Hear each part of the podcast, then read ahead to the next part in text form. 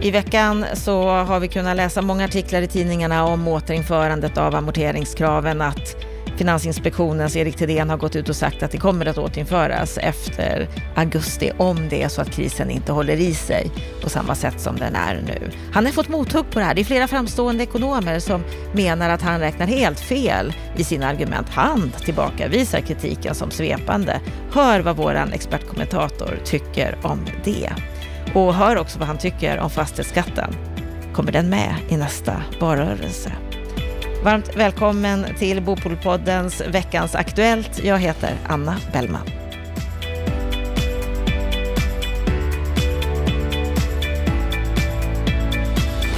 Under veckan som har gått så har vi haft en hel del debatt.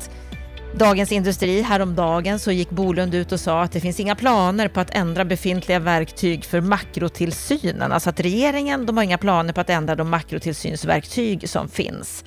Lennart Weiss, vad, vad, vad säger du om det här?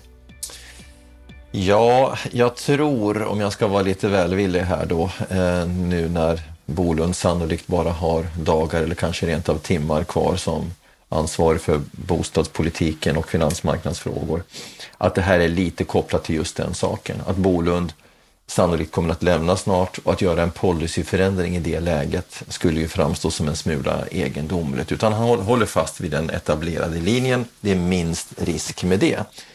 Eh, vi som har mött nu Bolund vid ett antal olika tillfällen, vi, har, som, vi som har läst också direktiven till till exempel startlåneutredningen har ju noterat en nyansförändring.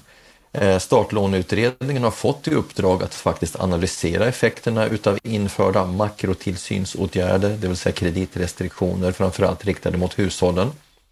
Eh, startlåneutredningen har fått i uppdrag att lägga ett konkret förslag, inte utreda förutsättningarna för det. Eh, när vi har pratat med Thedéen i olika sammanhang, eh, förlåt, Bolund i olika sammanhang så hör vi att han numera förstår det orimliga i att en ny bolånetagare ska möta en kalkylmässig realränta på 10% vilket blir effekten av 7 eh, kalpränta, 3% amorteringskrav, vilket ju är då efter eh, avdragen skatt. Vilket ska jämföras med ditt och mitt bolån, Anna. Du och jag har bolån på ungefär 1% och inflationen är 1 Vi har en realränta på noll, kanske till och med en negativ realränta. Det skapar enorma insider-outsider-problem. Och, där är, och det är en effekt av summan utav makrotillsynsåtgärder. Det leder nu till en helt historisk generationsklyfta. Det, det leder till att vi har skapat ett samhälle där klasscirkulationen, den sociala rörligheten inte längre fungerar. Vi har skapat ett samhälle där kapitalöverföringen eh, mellan generationerna sker inom familjerna istället för över samhället. Det finns ingen förnuftig liberal, socialdemokratisk, socialliberal, socialkonservativ politiker som kan försvara det. Innerst inne så gör inte Bolund det heller. Men han sitter fortfarande i klorna på Thedéen och Ingves. De har ett sorts problemformuleringsprivilegium som de hävdar. Jag, jag, jag, tror mig förstå att Bolund inser att det här är orimligt. Men han ska som sagt snart kliva av och ta andra uppgifter. Och varför ändra någonting då? Det, tror, jag tror det är så man ska läsa det hela.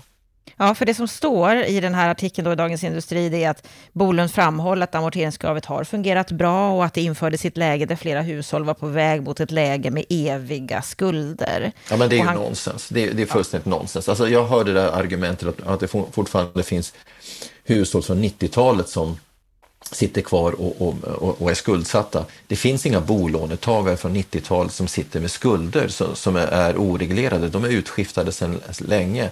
Det stora skuldproblemet som har en socialpolitisk dimension i Sverige, det är skuldsättning kopplat till spel, dobbel och osund konsumtion, alltså snabblån, sms-lån, blankolån, bolån. Det är ingen risk och det är bara att läsa Eh, Finansinspektionens egna bolånerapporter där de ju varje gång skriver att hushållens motståndskraft har ökat. Eh, belåningsgraderna har minskat hushållens betalningsförmåga har ökat etc. etc. Så att det där är nonsens, men det måste man säga om man vill spela det här trovärdighetskortet i debatten som ju tyvärr politikerna sitter fast i.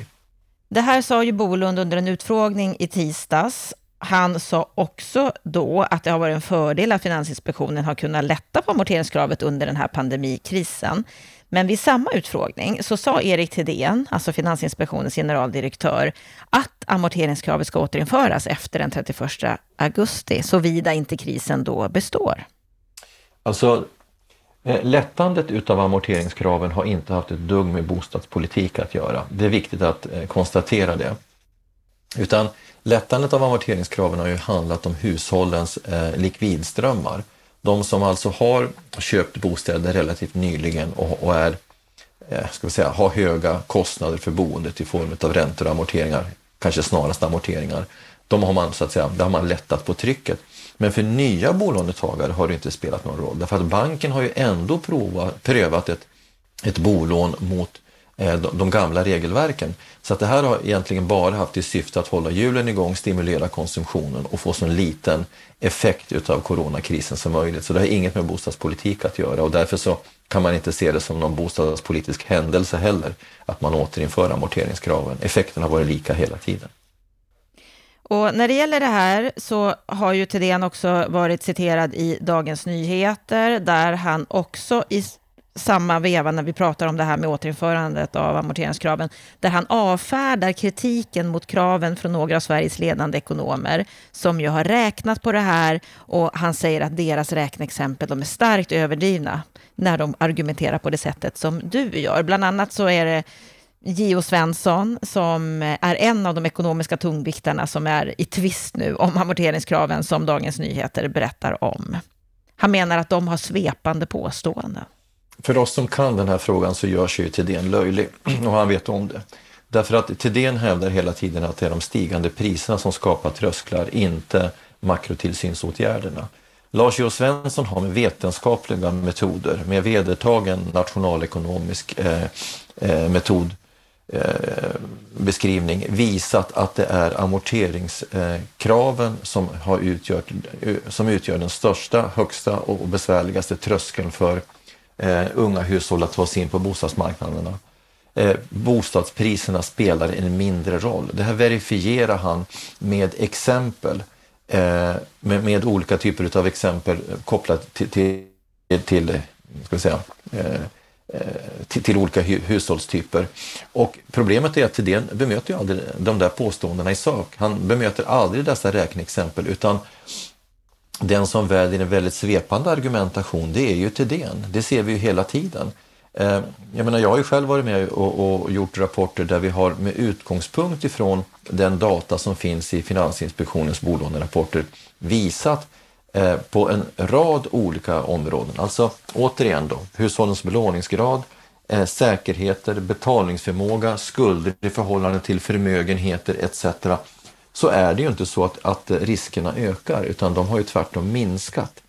Så att, eh, och dessutom den som studerar hur Thedéen beter sig i debatten, han ställer i stort sett aldrig upp i en debatt där han tvingas byta argument. Han kommer aldrig till Bopolpollen. Vi har ju frågat honom nu en handfull gånger och han har absolut aldrig tid. Jag som ser honom på seminarier ser hur han river av sina anföranden och så går han innan paneldiskussionen startar för han vet att, att han har ingenting att komma med. Han blir totalt avklädd i en debatt med någon som har faktaunderlag, för han har ingenting på fötterna.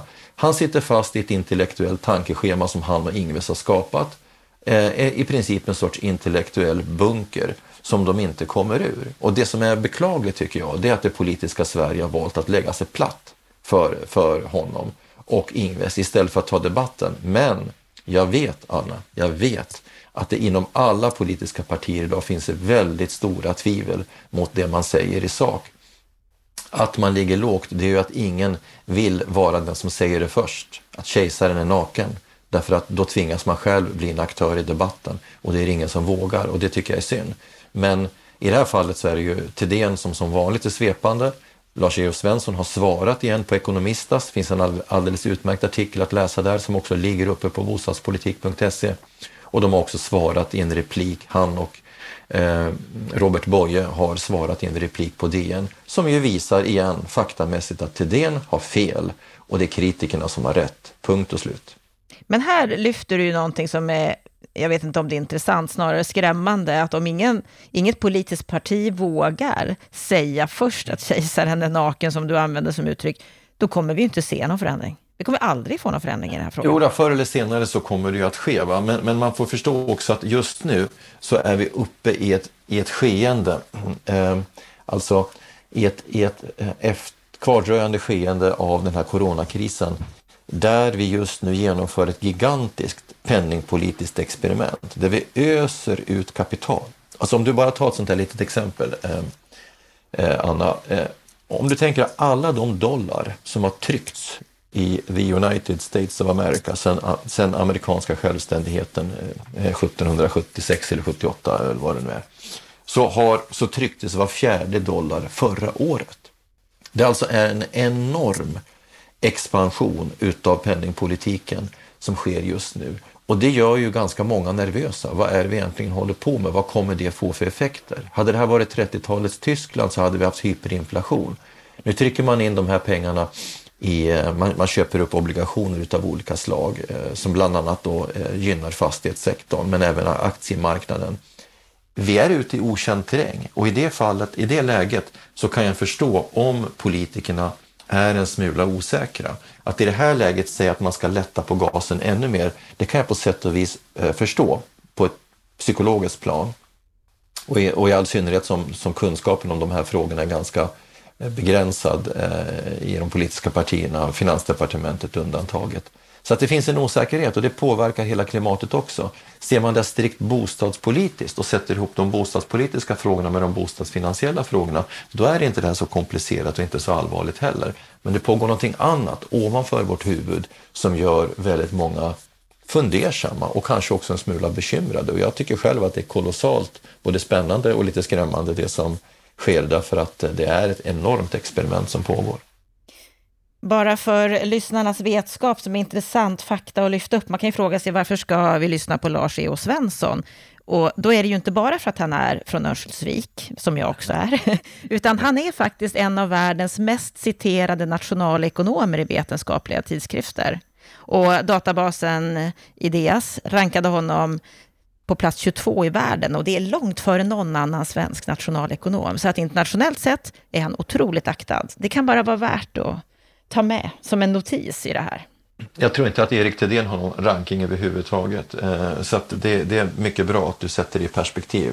Lars E.O. Svensson är en auktoritet och att man behandlar honom på det sättet, det tycker jag i sig är upprörande. Om vi ska gå vidare så kan vi också nämna här att IMF har gett klart underkänt till svensk bostadspolitik. Vad är det här? Ja, det har de gjort i 15 års tid. De vill alltid införa marknadshyror, de vill, de, de vill in, återinföra fastighetsskatten och de vill avskaffa eh, ränteavdragen. Och de vill, ja, det, det, är liksom ett känt recept och det enda som är intressant med det där egentligen, det är väl vem är det som är källan till IMFs rapporter? Ja, de åker hit till Sverige med några relativt juniora eh, analytiker som intervjuar ja, du har hört det förut, Finansinspektionen och, eh, och eh, Riksbanken och Riksgälden och de, har ju, eh, de är som sagt en, en bunker som, som odlar samma typ av åsikter som de byter med varandra vid lunchborden runt Rosenbad. Och de, den informationen lämnar man till IMF som åker tillbaka hem och skriver en rapport och sen så får de svenska myndigheterna på, den på remiss och sen så publicerar man den. Egentligen ganska ointressant. Det är ingenting att eh, bry, sig, bry sig särskilt mycket om. Det som är slående det är ju att IMF överhuvudtaget inte har någon förståelse av bostadssociala frågor eller några djupare tankar om konsekvensanalyser eh, av de förslag man lägger. Så att det där är bara ytterligare en förlängning av vad Finansinspektionen och Riksbanken tycker. Kan läggas till handlingarna. Då gör vi det för nu i alla fall och så tar vi upp den sista nyheten som vi vill lyfta den här veckan och det handlar om fastighetsskatten där Moderaterna har gått ut i Alltinget och sagt väldigt tydligt att fastighetsskatten, den ska inte återinföras. Hur är läget med fastighetsskatten tror du? Ja, jag, jag, var, jag, var lite, jag blev lite full i skratt när jag läste den, därför att vem är det som föreslår att den ska återinföras? Jag ser att villägarna har kört en kampanj under en tid att de, mot ett återinförande av fastighetsskatten, men jag ser inga förslag. Att den här regeringen skulle lägga ett förslag om att återinföra den gamla fastighetsskatten.